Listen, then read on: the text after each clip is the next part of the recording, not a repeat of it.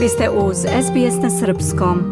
Skup pod nazivom Zamisli život bez nasilja povodom početka obeležavanja ovogodišnje kampanje 16 dana aktivizma protiv nasilja nad ženama održan je u subotu u Narodnoj biblioteci u Beogradu, a u organizaciji Ujedinjenih nacija u Srbiji. Kampanja Stop femicidu, kako je rečeno na konferenciji, ima za cilj da podigne svest u Srbiji o ozbiljnosti problema femicida u društvu i motiviše sve organe javne vlasti, medije, jedinice lokalne samouprave, organizacije civilnog društva i druge aktere u primjeni politike vlade Srbije ka nultoj toleranciji prema nasilju. Jer prema zvaničnim podacima ove godine do 20. novembra ubijeno je 27 žena od strane muškaraca.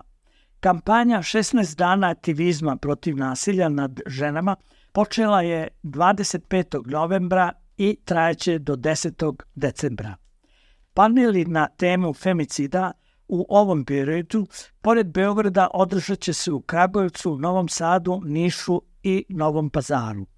Na skupu u Beogradu govorili su François Jacob, stalna koordinatorka UN u Srbiji, Emanuel Giofre, šef delegacije Evropske unije u Srbiji, Anke Konard, ambasadorka Nemačke u Beogradu, Jakub Beriš, stalni predstavnik programa UN za razvoj i drugi.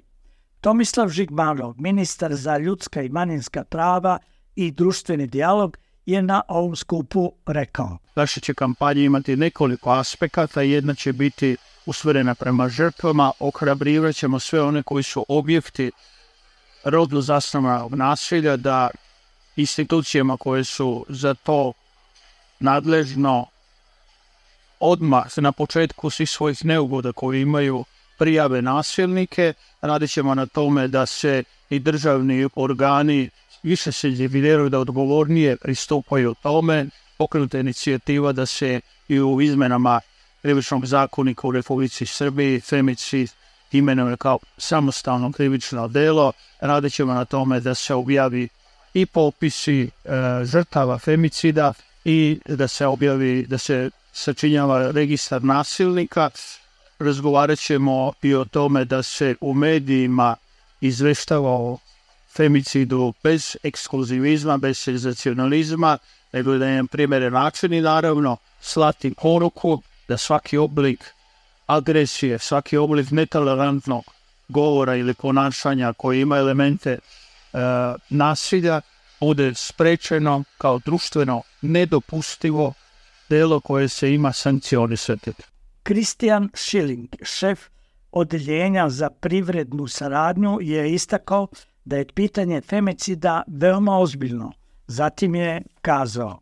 This Joe wants to to put these topics uh, much more strong in the center as we, we used to do. A, Nemačka želi da stavi fokus mnogo jače u temu nego što smo inače ranije radili.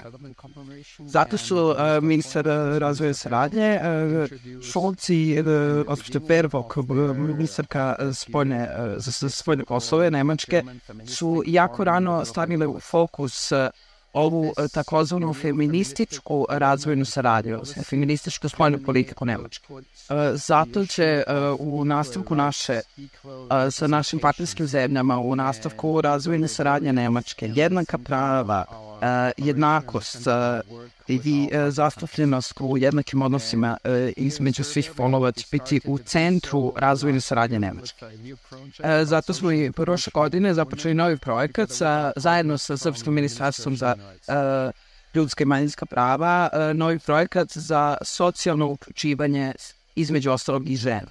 Prema podacima organizacije Autonomni ženski centar, u posljednjih pet godina u Srbiji je ubijeno više od 110 žena od strane muškaraca. 2019. godine smrtno je stradalo 26 žena, 2020. takođe 26, 2021. 20, 2022. 26, a ove godine do 20. novembra ubijeno je 27 žena. Iz Beograda za SBS Hranislav Nikolić. Želite da čujete još priča poput ove? Slušajte nas na Apple Podcast, Google Podcast, Spotify ili odakle god slušate podcast.